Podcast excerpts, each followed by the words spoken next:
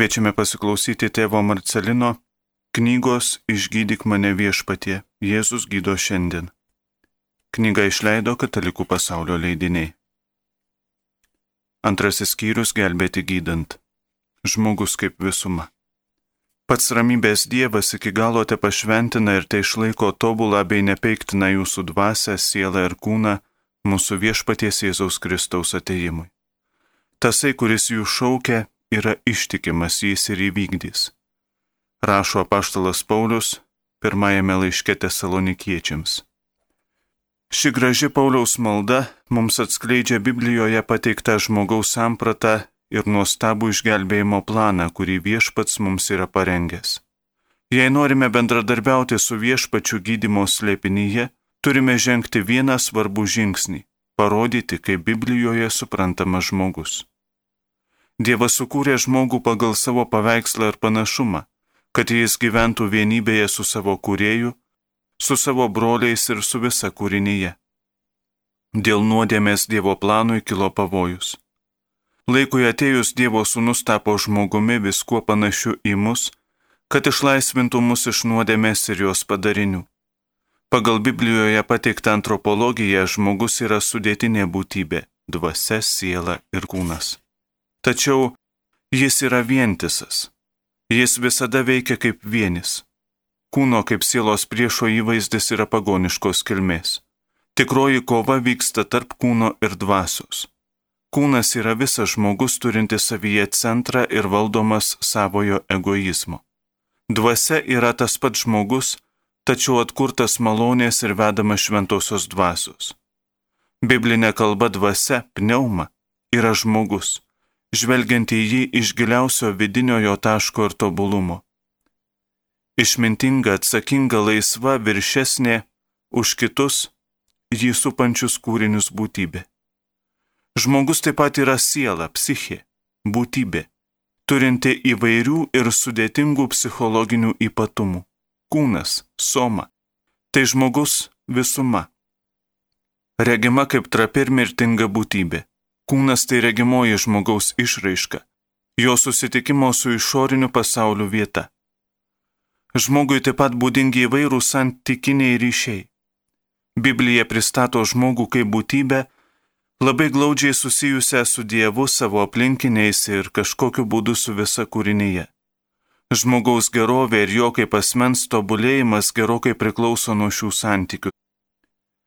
Žmogaus širdis yra laikoma centrinė sielos būstinė, žmogaus būties sąmonė ir centru. Tai yra vieta, kur žmogus pats save pažįsta ir save priima, kur jis atsiveria ir bendrauja su kitais ir kitu. Taip pat tai vieta, kur Dievo dvasia daro esminį darbą. Visumos gydimas. Kristaus Jėzaus misija gydyti žmogaus visumą. Jo dvasia širdį, sąmoningas ir pasamoninės mintis, prisiminimus, jausmus bei kūną santykėje su Dievu ir su kitais, taip pat jo požiūrį į save, į gyvenimą ir į aplinką, kurioje jis gyvena. Todėl Jėzus tapo žmogumi viskuo panašiu į mus įskyrus nuodėme. Mesgi turime netokį vyriausiai kunigą, kuris negalėtų atjausti mūsų silpnybių, bet kaip ir mes, visai mėginta, tačiau nenusidėjusi. Todėl visiškai pasitikėdami artinkimės prie malonės sosto, kad patirtume gailestingumą ir rastume malonę gauti pagalbą deramų laiku, rašoma laiškė žydams. Nuostabu, kai gali artintis prie malonės sosto su savo naštomis, skurdu ir silpnybėmis. Tačiau dar nuostabiau artintis prie malonės sosto, nešiniems ir savo brolių naštomis bei silpnybėmis, pasiaukojant viešpačiui kaip jo įrankiams, kaip gydančios jo malonės tarpininkams keletas liudijimų atskleidžiančių gydančią Jėzaus galę. Viena moteris liudyja apie dvasinį ir psichinį savo išgyjimą. Kai buvau 30 metų, dėl savo negalių kreipiausi į gydytoją psichoanalitiką. Jis mane įtikino, kad kaip ir daugelis kitų žmonių privalau būti laiminga be Dievo. Netrukus dėl socializmo politikos idealų palikau Evangeliją Išsiskyriau su sutuoktiniu, pasidariau abortą. Tapau egoistiškesnė ir netokia sąmoninga. Žudbūt stengiausi būti laiminga, tačiau kas kart matydavau savo gyvenimą vis tuštesnį ir liūdnesnį. Kol pagaliau norėdama nuo visko pabėgti, nuvykau į užtarimo rekolekcijas, nors visai nežinojau, kas tai yra. Tenai įvyko tikras stebuklas. Jutau viešpatį gyvą ir tikrą. Jis mane mylėjo labiau negu mano pačios tėvai. Iš tų rekolekcijų išvykau tapusi naujų žmogumi, kupina vilties ir noro padėti kitiems. Niekada nebepaliksiu šio atrasto kelio, tikro nuostabaus perlo. Man nebereikia psichoanalitikų. Viešpats mane išlaisvino nuo mane įkalinusių grandinių. Jis džiugina mane. Prašau viešpaties, kad jis vestų mane savo ranką. Dabar jis mane moko gyventi kitiems ir jo karalystė. Jauno kalinio dvasinis ir fizinis išgyjimas. Noriu paliūdyti apie tai, rašo jis, ką man padarė viešpats maždaug prieš metus, kai sirgau cirozę. Dėl kepenų ir rankos uždegimo buvau daug kartų nuvežtas į kalėjimo ligoninę. Aplinkui nebuvo ne vieno žmogaus, tik jūs su seserėmis atėjote prie manęs. Po to, kai jūs išklausėte mano išpažinties, jutau didžią ramybę, džiaugsmą ir laisvę. Paskui visi meldėsi už mane. Nuo tos dienos dėkoju viešpačiui ir šlovinu jį, nes jis mano gyvenime padarė tikrą stebuklą. Dabar esu sveikas išgyjęs nuo šios lygos. Te laimina Dievas visus, kurie daro gerą kitiems. Liudėjimas apie fizinį išgyjimą ar dvasinį tobulėjimą. Prieš 12 metų mane pradėjo kamuoti storosio žarnos opa. Lygos požymiai buvo tiesiog siaubingi, nors ir buvau intensyviai gydoma. Per vieną išgydymo Euharistiją, kurią jūs aukojote, įvyko kažkas nuostabaus. Aš atėjau kupina tikėjimo ir vilties ir Jėzus manęs pasigailėjo. Kaip tai moteriai Evangelijoje, jis man pasakė, eik ramybėje, tavo tikėjimas išgelbėjo tave. Iš pradžių žaizdos vietoje jutau skausmą, o po to kažką neapsakomo. Apsipilusi ašaromis, te galėjau pasakyti, Jėzau, ačiū, tebūnie tavo valia. Grįžusi namo jau nebekraujavau, papasakojau gydytojui apie tai, kas nutiko. Padaręs tyrimus jis nebeskyrė jokių vaistų ir nutraukė specialios dietos režimą. Dabar jau pusantrų metų gyvenu be vaistų ir valgau tai, ko noriu. Kas kartą Jėzus yra vis realesnis, artimesnis ir nuostabesnis. Mane ištikus negaliai, jis apreiškė begalinę savo meilę. Liga, jos priežastys ir gydimas. Kaip galiu tapti viešpaties įrankiu, jo malonės ir gydimo tarpininku? Iš pradžių vienas labai svarbus pirminis žingsnis - susipažinti su įvairiomis lygų rūšimis, kurios žmogui grėsia, jų šaltiniais ar priežastimis ir gydimo būdais, kuriuos Dievas mums yra davęs per mediciną. Kitame puslapyje yra lentelė nurodanti keturias lygų rūšis ir penkias įmanomas jų priežastis ar šaltinius. Kai kurias lygas sėkmingai įveikia natūralus gydimas, bet kuriai lygai ištikus galime ieškoti Dievo pagalbos melzdamiesi arba kalbėdami užtarimo maldą. Per sakramentus susitinkame su Jėzumi, todėl jie yra ypatingi malonės ir gydimo šaltiniai. Taip pat ir sakramentalijos, nes jos suteikia tikėjimą ir bažnyčios užtarimą. Gali būti dvasinė lyga, kurios priežastis nuodėmė, jei nėra natūralaus gydimo, o malda prašome atsivertimo. Sakramentai išpažintis. Gali būti psichinė lyga, kurios priežastis - meilės toka meilės nepriėmimas ir taip toliau. Natūralus šios lygos gydimas - psichiatrija. Malda siekiame prisiminimų išgydymo. Sakramentų praktikos - Euharistija ir išpažintis. Gali būti fizinė lyga, kurios priežastis - infekcija, nelaimingas atsitikimas ir kitos priežastys. Gydimas medicinos pagalba. Labai veiksminga malda prašant išgyjimo, prašant sveikatos. sakramentai, ligonio patepimas ir Euharistija.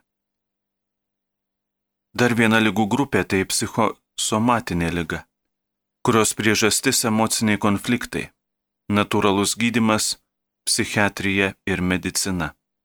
Malda, prisiminimų išgydymo, sakramentai, Euharistija ir išpažintis. Bet kuri kita lyga iš anksčiau įvardintų, bet kurios kitos lygos priežastis - demonopolimas. Natūralaus gydimo nėra, melžiamės prašant išlaisvinimo. Atliekamos egzorcizmo apėgos. Dvasios lyga. Jos priežastis yra nuodėmė arba dvasiniai nesklandumai. Dievo meilės arba jo išgelbėjimo planų atstumimas. Gailėjimas meilės savo artimiesiems.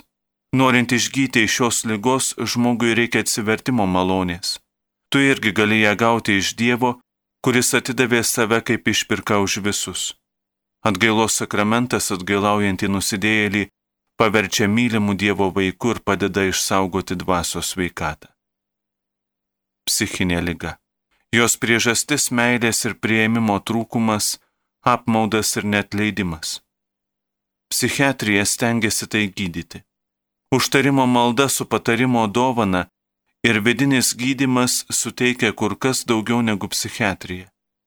Meilės, tikėjimo ir džiaugsmo aplinkoje priimta Euharistija ir atgailos sakramentas daro didesnę teigiamą įtaką žmogaus psichiniai sveikatai. Fizinė lyga. Ją sukelia uždegimas, įtampa, netinkama mytyba ir taip toliau. Šią lygą gydydama medicina yra pažengusi gana toli. Greičiau ir visiškai išgyti padeda malda, atlikta su meilė ir tikėjimu. Taip pačiai funkcijai atlikti yra duotas ligonių patepimo sakramentas. Psichosomatinė lyga. Tai organinė arba fizinė negalė, kurią nulėmė minčių ir emocijų būsenos. Jei pagydyti, padeda tikėjimo malda, o ypač malda už prisiminimų išgydymą, taip pat Euharistijos ir atgailos sakramentai. Galiausiai bet kuri iš šių lygų arba jų simptomai gali pasireikšti kaip demono puolimo arba piktosios dvasios įtakos pasiekmi. Tokiu atveju po atitinkamos diagnozės reikia melstis už to žmogaus išlaisvinimą. Ypatingiems atvejams bažnyčia naudoja egzorcizmą. Šventoji dvasia, būdama išminties ir vienybės šaltiniu, mus moko žmogaus geroviai naudoti visas mums pasiekiamas priemonės. Naturalios gydimo priemonės - medicina, psichiatrija ir antgamtinės malda, sakramentai - neprieštarauja viena kitai, tačiau viena kitą palaiko ir abipusiškai papildo. Dažnai malda ir sakramentai aktyvuoja natūrales medžiagas, kurias kuriejas yra įdėjęs į žmogų, kad jis atgautų sveikatą. Kartais malda ir sakramentai panaikina kliūtis, kurios trukdo ligoniui pasveikti. Tai gali būti nuodėmė, neapykanta, atstumimas, kaltinimas, atleidimo stoka ir kiti įtampo šaltiniai. Tai paaiškina staigius ir stebinančius išgyjimus. Siracido knygoje skaitome, brangink gydytoje, nes jis tau svarbus. Juk viešpats jį sukūrė. Juk iš aukščiausiojo eina jo gydimo dovana. Viešpats įželdina į žemės vaistažolės, kurių protingas žmogus neturėtų niekinti. Vaistažolėmis gydytojas gydo ir malšina skausmą. Mano vaikė, kai sergi, nelūkuriuok, bet melskis viešpačiui, kuris tave išgydys. Atsisakyk savo įdų, laikyk savo ranką švarias ir apvalyk savo širdį nuo visų nuodėmių. Tikėjimas ir ištvermė maldoje. Ne visi žmonės turi gydimo charizmą tačiau visi, kurie turi tikėjimą ir viltį, gali melstis, kad išgytų. Visi, kurie turi tikėjimą ir meilę artimui, gali melstis ir už kitus žmonės, kad šie išgytų. O tie, kurie turi tikėjimą, viltį ir meilę, gali ištvermingai melstis net ir tuo met, kai viešpats pasiunčia jiems išbandymą. Kitas liudijimas - labai vertinga pamoka tiems, kurie laukia staigių ir lengvų rezultatų. 1992 m. lapkričio mėnesį man buvo diagnozuotas auglys plaučiuose. Rentgeno nuotraukas peržiūrėjo šeši gydytojai, tačiau šią diagnozę žinojo tik tai mano žmona. Aš nežinojau, nors jutau šios baisios lygos simptomus. Smarkiai kosėjau, krito svoris buvo labai silpna. Netrukus mano sesuo man pasiūlė važiuoti į rekolekcijas Kordoboje. Ji labai norėjo, kad ten važiuočiau, tad galiausiai taip ir padariau. Kunigas melsdamasis už mane ir tepdamas mane aliejumi, teikdamas sakramentaliją, pasakė pranašiškus žodžius, kurie mane be galo nustebino. Išvykau iš rekolekcijų su dideliu tikėjimu ir begaliniu noru melstis. Tolesnėmis dienomis, kai tik pradėdavau melstis, jausdavau tartu mane užliejančią bangą. Jis susitelkdavo ties kairė mano krūtinės pusė, kur ir buvo auglys. Kai apie tai pasakydavau savo žmonai, ji man atsakydavo, tikriausiai viešpats tave gydo. Kas kartą jaučiausi vis geriau. Kalbėjomės su vienu gydytoju mano bičiuliu, jis ir paskyrė man tyrimus. Man buvo padarytos rengeno nuotraukos ir daugelis kitų tyrimų. Tyrimams pasibaigus, radiologas pasakė, beje, jis buvo laikomas geriausiu Malagoje. Čia nieko nėra. Esate visiškai švarus, nei žymės neliko to, kas buvo. Mano bičiulis daktaras mane apkaltino ir pasakė, Angelį. Šiandien tu pamatei mergelę Mariją. Matydamas mane sutrikusį, pasakė, jog anksčiau turėjau auglį. Tuomet supratau, kiek gailestingumo man parodė viešpats. Dabar mano gyvenimas yra visai kitoks, nes viešpats ne tik išgydė mano fizinę negalę, bet ir mano vidų. Jaučiuosi kur kas laisvesnis ir artimesnis Dievui, turiu nuolatinį ryšį su juo. Mano gyvenimas yra garbinimo giesmė, šlovė viešpačiui. Šis vyras nepatyrė staigaus ir stulbinančio išgyjimo, kaip daugelis to būtų norėję. Tačiau po rekolekcijų jis grįžo tvirčiau tikėdamas Dievo gerumu ir atnaujinęs maldos gyvenimą, kuriame daugelis iš mūsų jį lydėjome iš arti ir iš toli. Viešpats veikė jame švelniai ir tyliai. Galiausiai jis atgavo sveikatą ir jo gyvenimas smarkiai pasikeitė. Tai mums pasakė jo žmona ir tie, kurie pažinojo jį iš arti. Be abejo, ši malonė buvo dar didesnė negu staigus ir stebinantis išgyjimas. Ilgas ir švelnus malonės lietus gali būti naudingesnis už staigę liūtį. Viešpats geriau žino, ko kiekvienam reikia. Jis žino, kad Dievo draugui nėra geresnio dalyko kaip ištverminga malda. Jėzus pasakė jiems palyginimą, kaip reikia visuomet melstis ir nepaliauti. Viename mieste gyveno teisėjas. Skaitome Evangelijoje pagal Luką.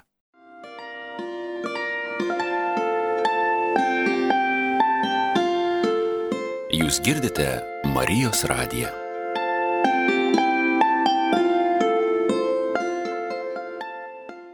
Tikėjimas ir meilė maldoje.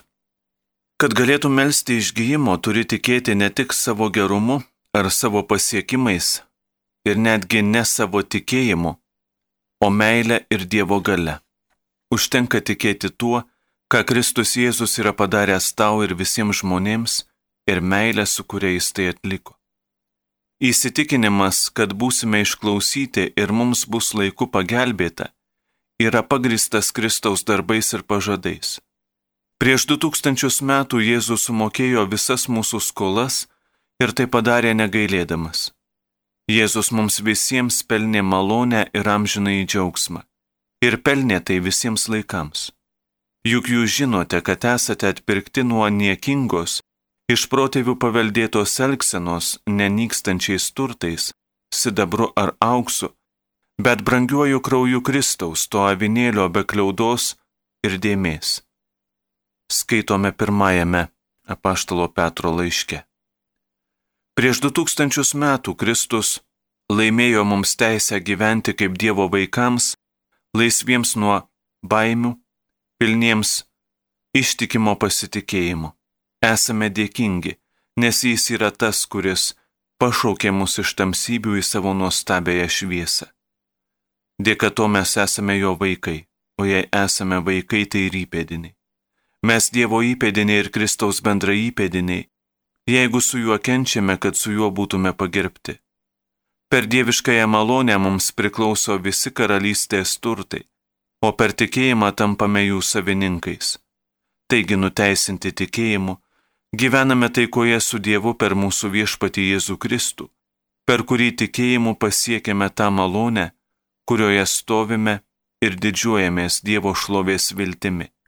Ir ne vien tuo. Mes taip pat didžiuojamės sielvartais, žinodami, kad sielvartas gimdo ištvermę, ištvermė išbandytą darybę, išbandytą darybę viltį, o viltis neapgauna. Nes Dievo meilė yra išlieta mūsų širdyse šventosios dvasios, kuri mums duota. Skaitome apaštalo Pauliaus laiške romiečiams. Savo tikėjimo Kristumi Jėzumi dėka mes galime gyventi ir melstis tvirtai pasitikėdami, kaip vaikai ir paveldėtojai, o ne kaip elgetos ar svetimi. Iš tiesų, iš tiesų sakau jums, kas mane tiki, darys darbus, kuriuos aš darau, ir dar už juos didesnius. Nes aš keliauju pas tėvą, ir ko tik prašysite dėl mano vardo aš padarysiu, kad tėvas būtų pašlovintas sūnuje. Ko tik prašysite manęs dėl mano vardo, aš padarysiu. Meldžiant išgyjimo kitiems be tikėjimo reikia turėti ir didžiulę meilę tiems, kurie kenčia. Išgyjimas tai žmogaus išganimo plano pilnatvė, o išganimas nusidėjėliams ir ligonėms tai tikroji Dievo meilės išraiška. O Dievo meilė pasireiškia mums tuo, jog Dievas atsiuntė į pasaulį savo viengimį sūnų, kad mes gyventume per jį.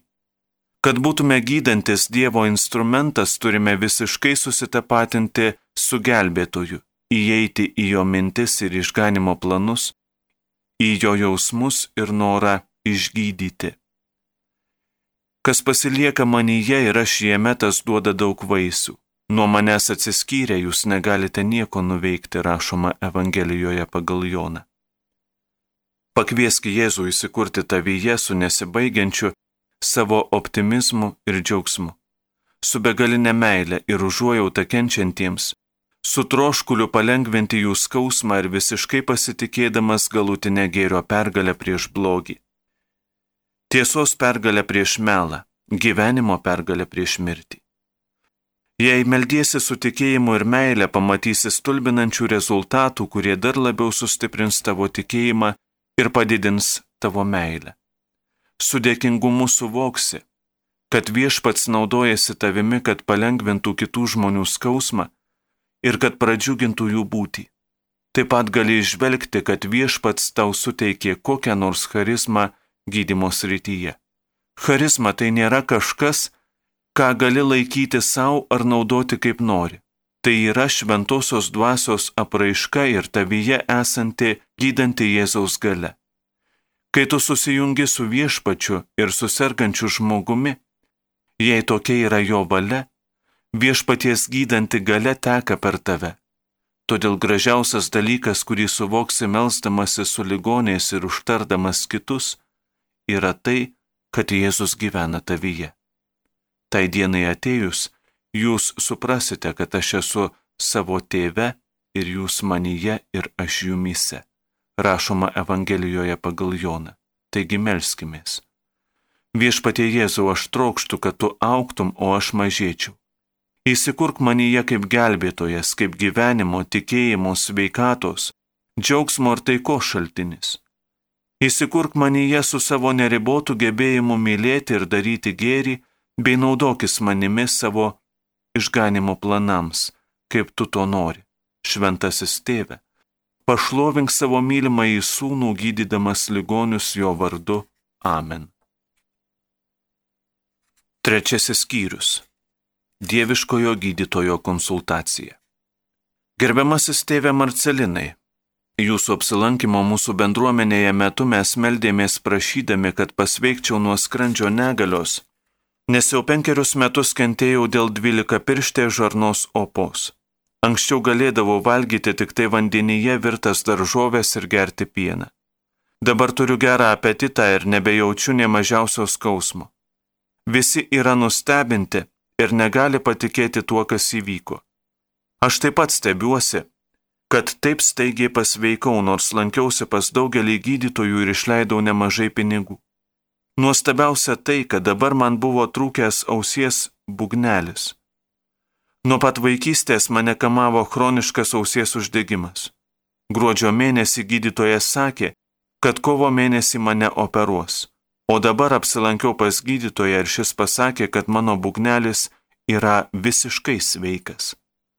Buvome be galo nustebę te galiu šlovinti viešpatį, kuris panorėjo išgydyti visas mano negalės. Man pačiai didžiausias dalykas yra mano dvasinis išgyjimas.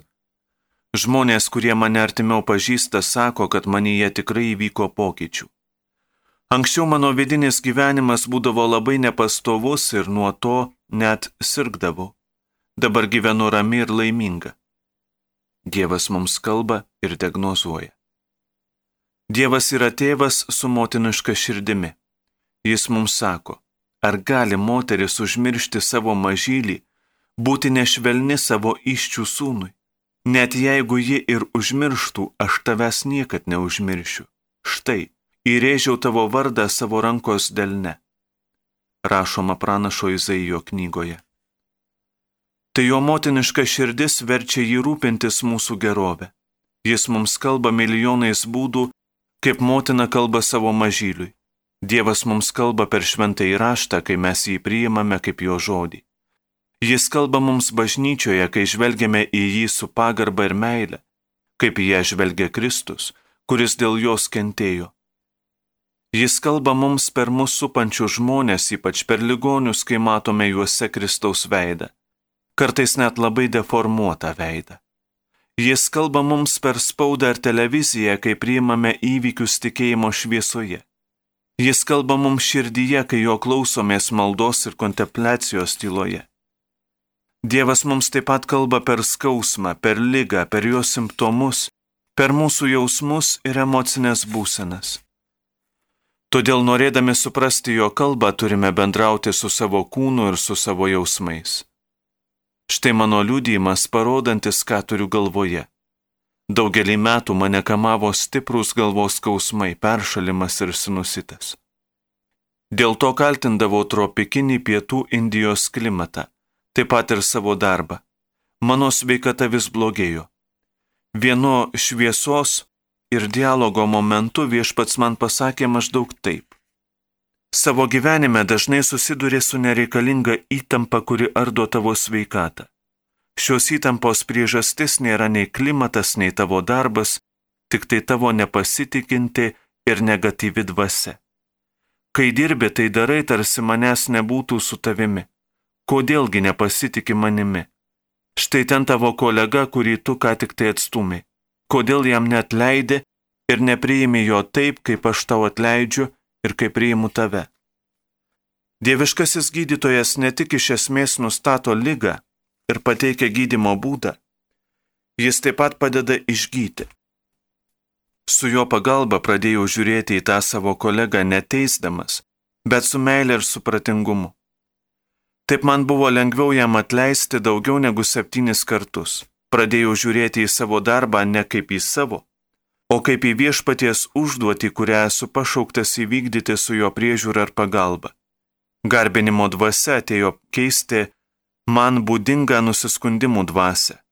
Po kelių dienų vėl smarkiai peršalau, paumėjo sinusitas, tačiau ir toliau pasitikėjau ir garbinau dievišką įgydytoją. Nuo tada, dabar po to jau praėjo daugiau kaip 20 metų, nie karto nebuvau peršalęs, nesusirgau sinusitu, nebeskaudėjo galvos. Jėzus sakė, žmogų suteršia vien tai, kas iš jo išeina, iš vidaus. Iš žmonių širdies išeina pikti sumanimai, paleistuvystės, vagystės. Šio laikinė medicina pritarė, žmogų susargdina tai, ką jis nešioja viduje, ypač melas, kuris yra susikaupęs pasąmonėje. Trys ketvirtadaliai skausmo ir lygų prasideda nuo lyguistos proto, emocinės ir dvasinės būsenos. Per skausmą ar ligas viešpats kviečia tave ištirti giliausias tavo būties vietas, tas, kurias tau iš tiesų reikia išgydyti. Šios vietos gali būti tavo mąstyme, valdomos negativumo, pesimizmo, įtarumo ir abejonių. Jos gali pasireikšti afektacija, apimtos liūdėsio, baimės, nerimo, kančios, savęs kaltinimo ir kitų negatyvių jausmų. Gali būti tavo sieloje užliejamos nuodėmės, pagėžos, neapykantos pykčio, gėdos, keršto, atleidimo stygiaus ar nepasitikėjimo. Šios ertmės dar nėra išpirktos ir joms skubiai reikia dieviško gydytojo dėmesio. Iš pradžių pasokulista. Kai negatyvūs mūsų jausmai tampa netinkami ar grėsmingi, kartais juos nustumėme į pasąmonę, kad paslėptume nuo pačių savęs, nes jei to nedarytume, nuolatos nerimautume. Tokiais atvejais einame per gyvenimą nepažindami iš tikrųjų savo jausmų ir nepastebėdami daug informacijos, kurią viešpats mums siunčia. Prie šio aklumo nemažai prisideda šio laikinės technologijos. Kaip tik dėl jų stebime viską, kas yra paviršiuje ir daug rečiau pažvelgiame į savo vidų. Būtent todėl ir mūsų gyvenime lengvai tarpsta iliuzijos ir apgavystės apsunkinančios mūsų elgesį ir santykius su žmogumi. Jei įtari kažką panašaus, kuo skubiau kreipkis į dievišką į okulistą. Jis priima dieną ir naktį. Jis labai apsidžiaugs išvykęs tave konsultacijoje ir tau padovanos tepalo pasitepti akims, kad praregėtum. Jis tave moko be baimės būti atidų savo tikriesiems jausmams ir priimti šviesos maudyklę. Jis skirs visą laiką ir visą dėmesį, kurio tau reikia. Jam niekas nėra mažiau svarbesnis už kitus, niekas nėra per daug sunku. Senasis žmogus. Tam tikros mąstymo ir pojūčių būsenos sudaro stiprią įtampą, kuri susikaupia atitinkamuose mūsų organizmo vietose ir sukelia blogą savijautą arba skausmą, sumažina mūsų atsparumą lygai. Girdėjote ištrauką iš tėvo Marcelino knygos Išgydyk mane viešpatie. Jėzus gydo šiandien. Knygą išleido Katalikų pasaulio leidiniai.